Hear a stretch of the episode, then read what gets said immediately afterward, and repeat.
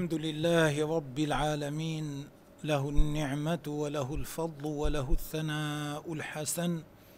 صلوات ربي وسلامه على سيدنا محمد وعلى آله وصحبه الطيبين الطاهرين. الله أسأل أن يوفقنا لما يحبه ويرضاه. اليوم إن شاء الله نتكلم عن الحديث الثالث عن الحديث الثالث من الأربعين النووية. امضي بارك الله فيك. الحديث الثالث.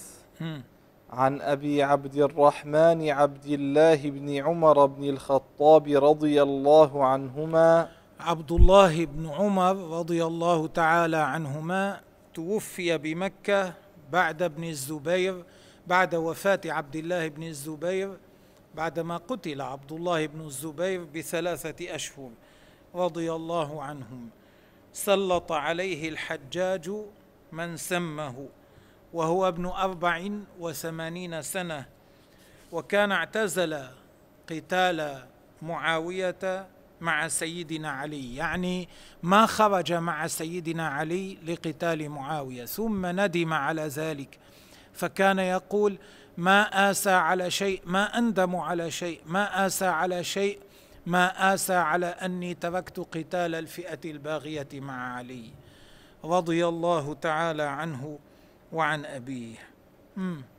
قال سمعت رسول الله صلى الله عليه وسلم يقول بني الإسلام على خمس. بني الإسلام على خمس يعني على خمس دعائم.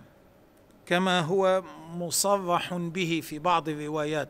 في بعض الروايات ذكر الدعائم على خمس دعائم. آه، وفي بعض الروايات على خمسة يعني خمسة أركان أو ما شابه. والذي يقرب هذا الأمر أن يمثل الإسلام كأنه خيمة. هذه الخيمة لها في الوسط عمود تقوم عليه. طالما هذا العمود قائم فالخيمة لم تتهدم. هذا العمود هو كمثل الشهادتين. ثم لها هذه الخيمة أربعة أعمدة في الزوايا الأربع. وهذه أمثلة الأمور الأربع الأخرى المذكورة في الحديث إقام الصلاة وإيتاء الزكاة وصوم رمضان وحج البيت. فإذا كان العمود الأعظم الذي في الوسط قائما فالخيمة قائمة.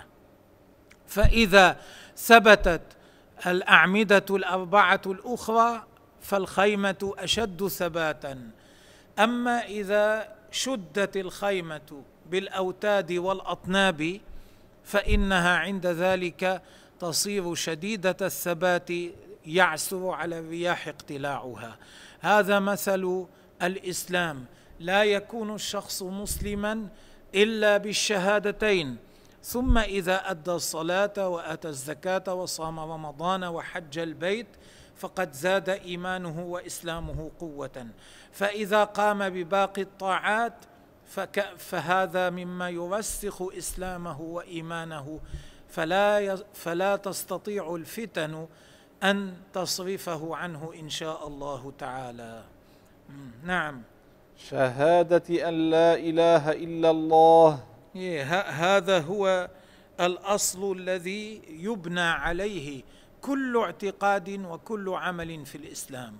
شهادة أن لا إله إلا الله. وأن محمدا رسول الله. نعم. شهادة أن لا إله إلا الله وأن محمدا عبده ورسوله. نعم.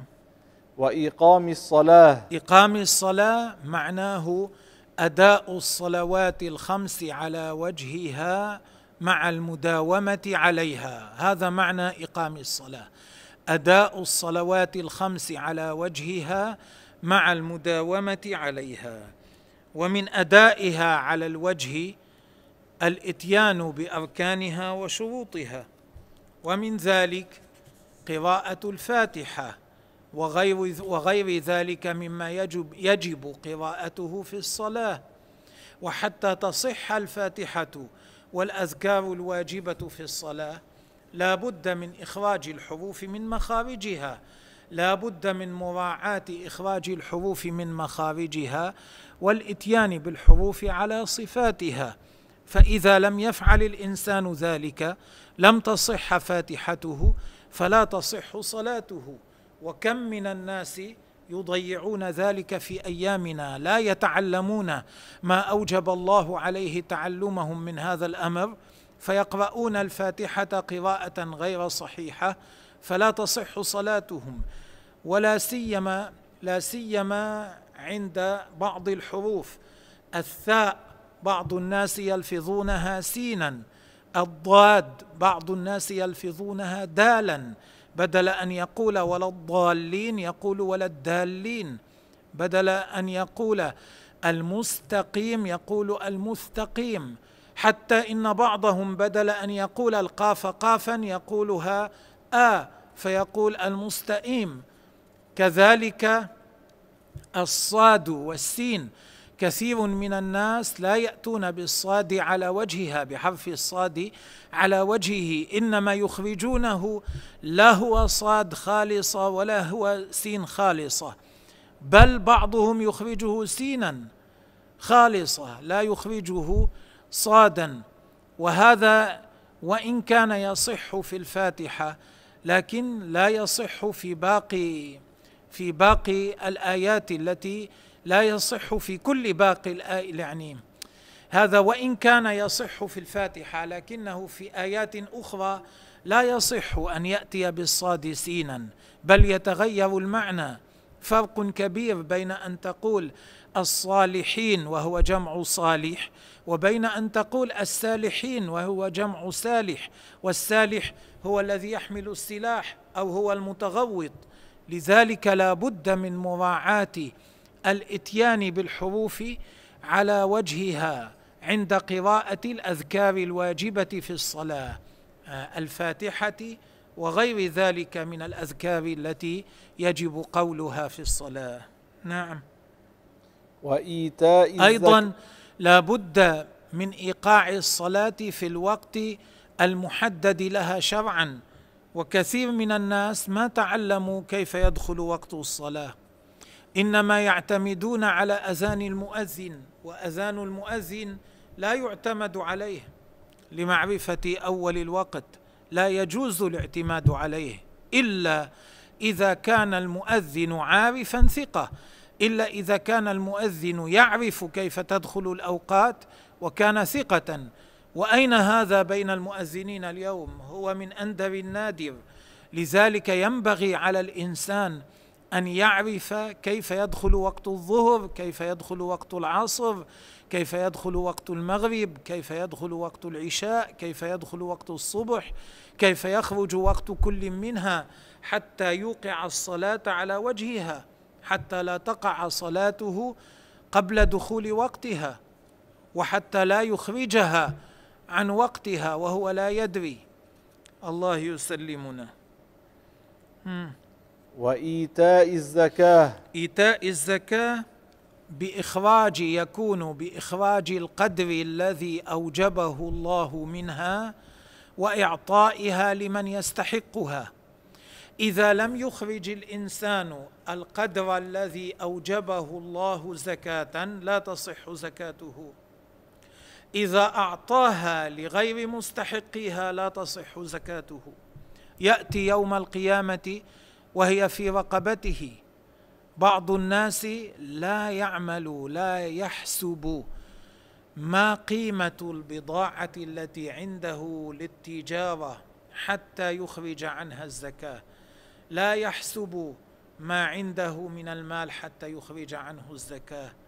بعض الناس لا يعرف أنه إذا كان عنده قمح مثلا إذا زرع من القمح ما كان محصوده أكبر من خمسة أو خمسة أوسق أو أكثر لا يعرف أن فيه زكاة. وبعض الناس إذا عرف أن فيه زكاة لا يعرف أن الزكاة لا بد أن تؤدى قمحا ولا يصح أن تؤدى عملة مثلا. إلى غير ذلك من الأمور التي يجهلها كثير من الناس.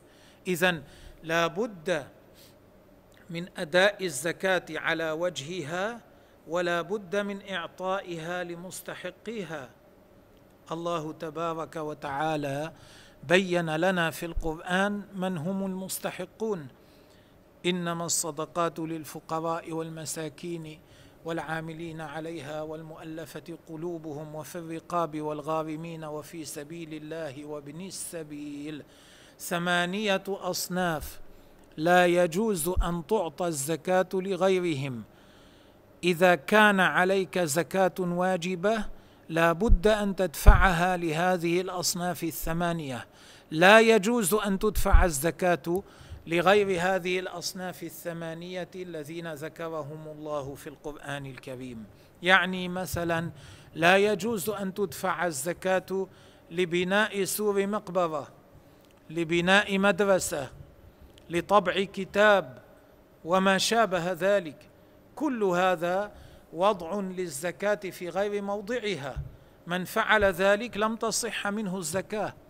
يأتي يوم القيامة وهي في رقبته ولا يقبل منه أن يقول يا رب أنت قلت في القرآن وفي سبيل الله لأن معنى في سبيل الله في هذه الآية المجاهدون المتطوعون الذين ليس لهم نصيب من الفيء هؤلاء المرادون بقوله تعالى وفي سبيل الله.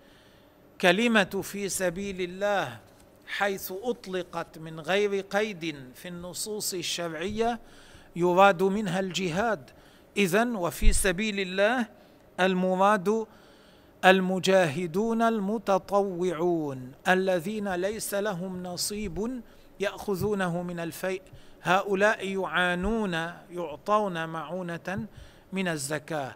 الزكاة تصرف في هذه المصارف الثمانية لا غير. فاذا الذي يريد أن يديم يداوم على الصلاة الذي يريد أن يؤتي الزكاة الذي يريد أن يصوم رمضان الذي يريد أن يحج البيت ويريد أن تقع هذه الأعمال منه على ما يوافق شرع الله على الوجه الصحيح على ما يحبه الله عز وجل لا بد له أن يتعلم لا بد له أن يعرف كيف تصح هذه الأعمال. يذهب إلى إنسان عنده علم ويكون هذا الإنسان ثقة. يقول له علمني كيف يكون الوضوء حتى يصح وضوئي. كيف يكون الغسل في الشرع حتى يصح غسلي. كيف أصلي بحيث تصح صلاتي. لا يكفي في ذلك أن تكون نية الإنسان أنه يريد أن يؤدي الصلاة أنه يريد أن يؤدي الصيام أنه يريد أن يزكي ثم مهما فعل بعد ذلك يصح منه. بعض الصحابة صلى فقال له النبي عليه الصلاة والسلام ارجع فصل فإنك لم تصلي. أعاد قال ارجع فصل فإنك لم تصلي. ثلاث مرات يقول له النبي عليه الصلاة والسلام ارجع فصل فإنك لم تصلي. لأنه فعل ما لا تصح معه صلاته مع أن نيته كانت أن يؤدي الصلاة على وجهها. اذا لا تكفي النية هنا أنني أحب أريد أن أؤدي الصلاة على وجهها بل لا بد أن تكون موافقة لما جاء به نبي الله عليه الصلاة والسلام. وكيف يعلم ذلك؟ كيف تعرف أنها موافقة؟ بتعلم الأحكام التي جاء بها رسول الله عليه الصلاة والسلام. إنما العلم بالتعلم ومن عمل بغير علم كان ما يفسده أكثر مما يصلحه. نعم امضي بارك الله فيك. وحج البيت. وحج البيت يعني أيضا هذا لا بد من هذا من جملة الأركان. هذا من جملة الأعمدة التي ذكرت في هذا الحديث. حج البيت لا بد أن يكون أيضا بالإتيان بشروطه وأركانه. كثير من الناس يذهبون إلى الحج لا يعرفون ما هي شروط الطواف الصحيح يطوفون وكأنهم ما طافوا. لا يعرفون ما هي شروط الرمي الصحيح يرمون الجمار كأنهم ما رموا. لا يعرفون شروط آه، كيف يكون الوقوف بعرفة على الوجه الصحيح يقفون وكأنهم ما وقفوا. لا يعرفون كيف يكون السعي بين الصفا والمروة على الوجه الصحيح؟ فيسعون وكأنهم ما سعوا لا سيما في أيامنا في هذه الأيام حيث قام بعض الحكام بزيادة بجعل مكان الذهاب في المسعى من الصفا إلى المروة خارجا عن المكان الذي عينه رسول الله صلى الله عليه وسلم. في الأصل النبي عين مكانا خاصا ليسعى فيه ذهابا من الصفا إلى المروة ورجوعا من المروة إلى الصفا. لكن بعض الحكام ارتأى أن يجعل مكان الذهاب خارجا عن هذا المكان الذي عينه الرسول عليه الصلاة والسلام.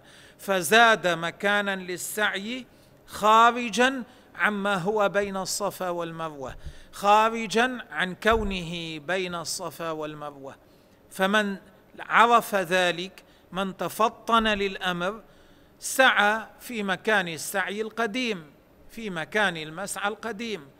أما من لم يتفطن فذهب من الصفا إلى المروة خارجا عن المكان الذي عينه النبي عليه الصلاة والسلام فإنه لا يكون بذلك قد صح حجه لا يكون قد خرج من إحرامه يرجع إلى بلده وهو ما زال محرما.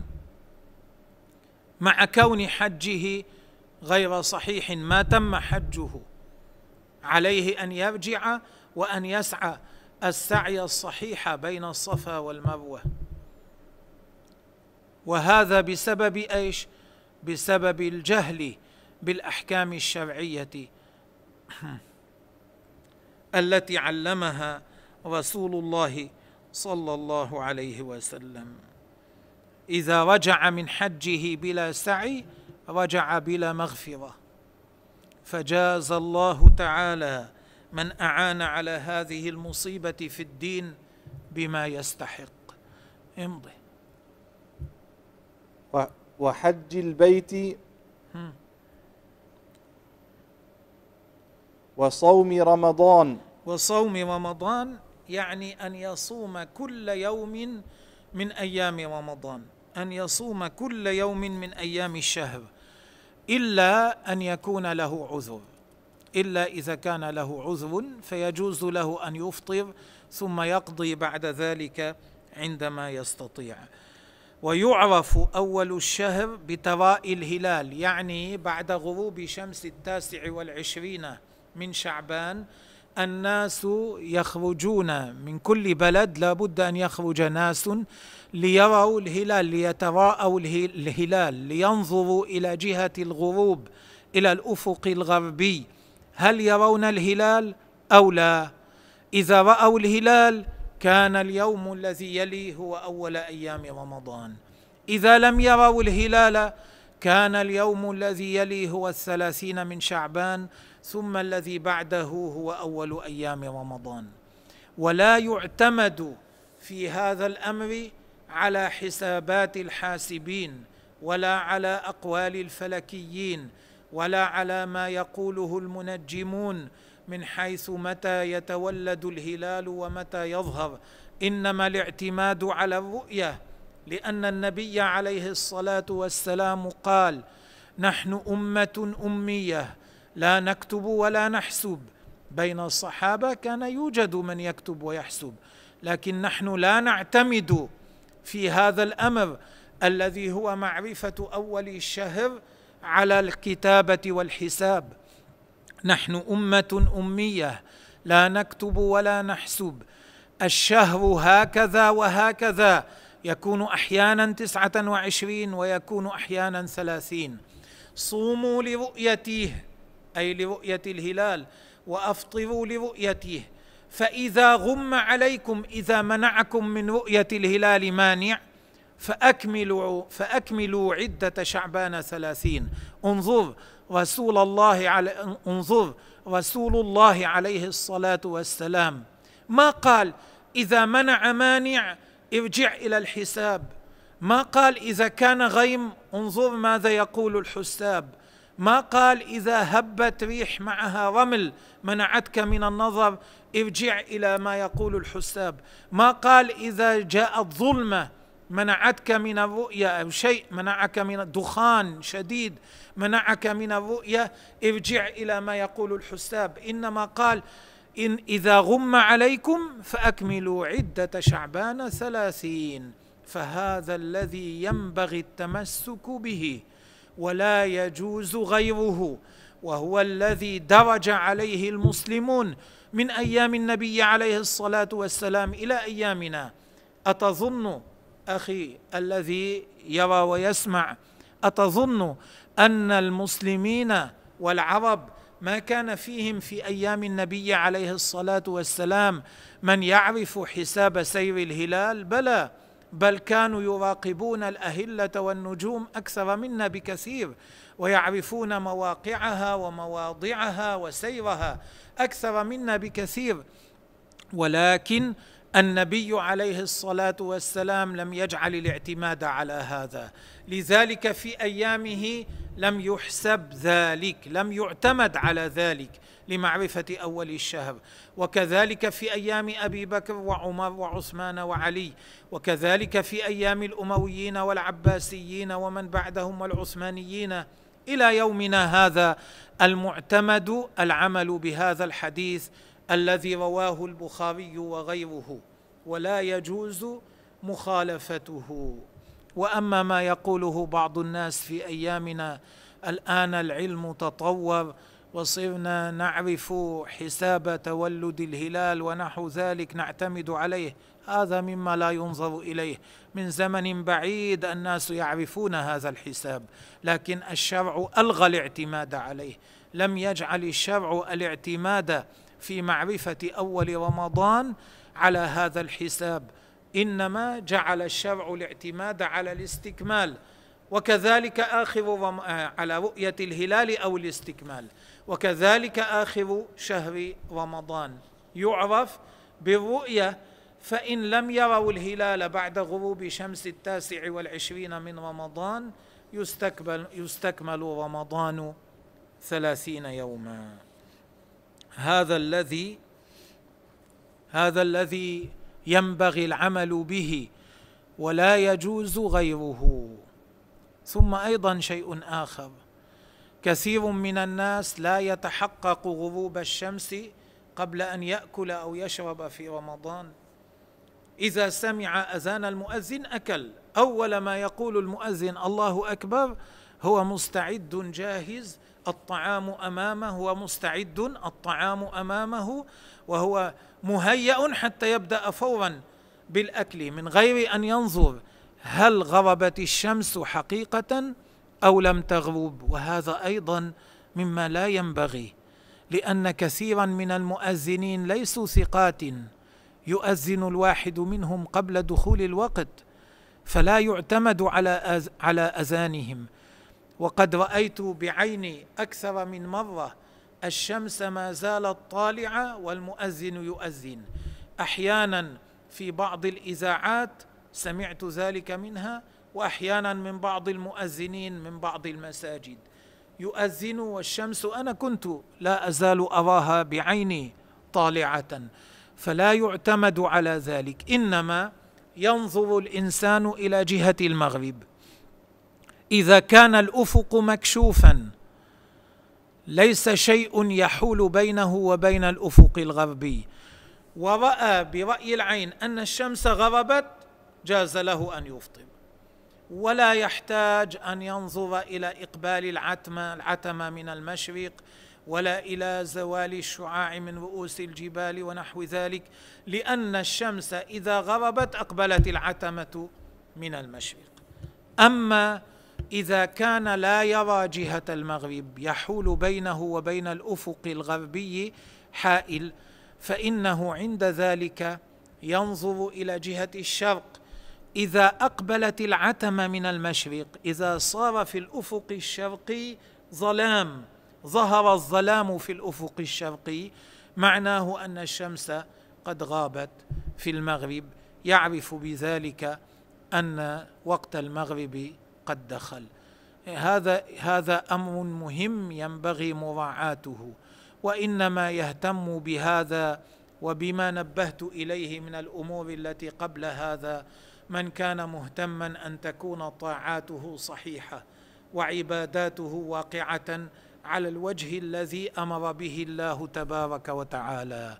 أما من كان لا يهتم بهذا وإنما همه أن يقال صلى وأن يقال صام وأن يقال زكى وأن يقال حج فإنه لا يهتم بما ذكرنا قبل كله وتقع عباداته على غير الوجه الذي أمر الله تبارك وتعالى به فلا تنفعه في آخرته.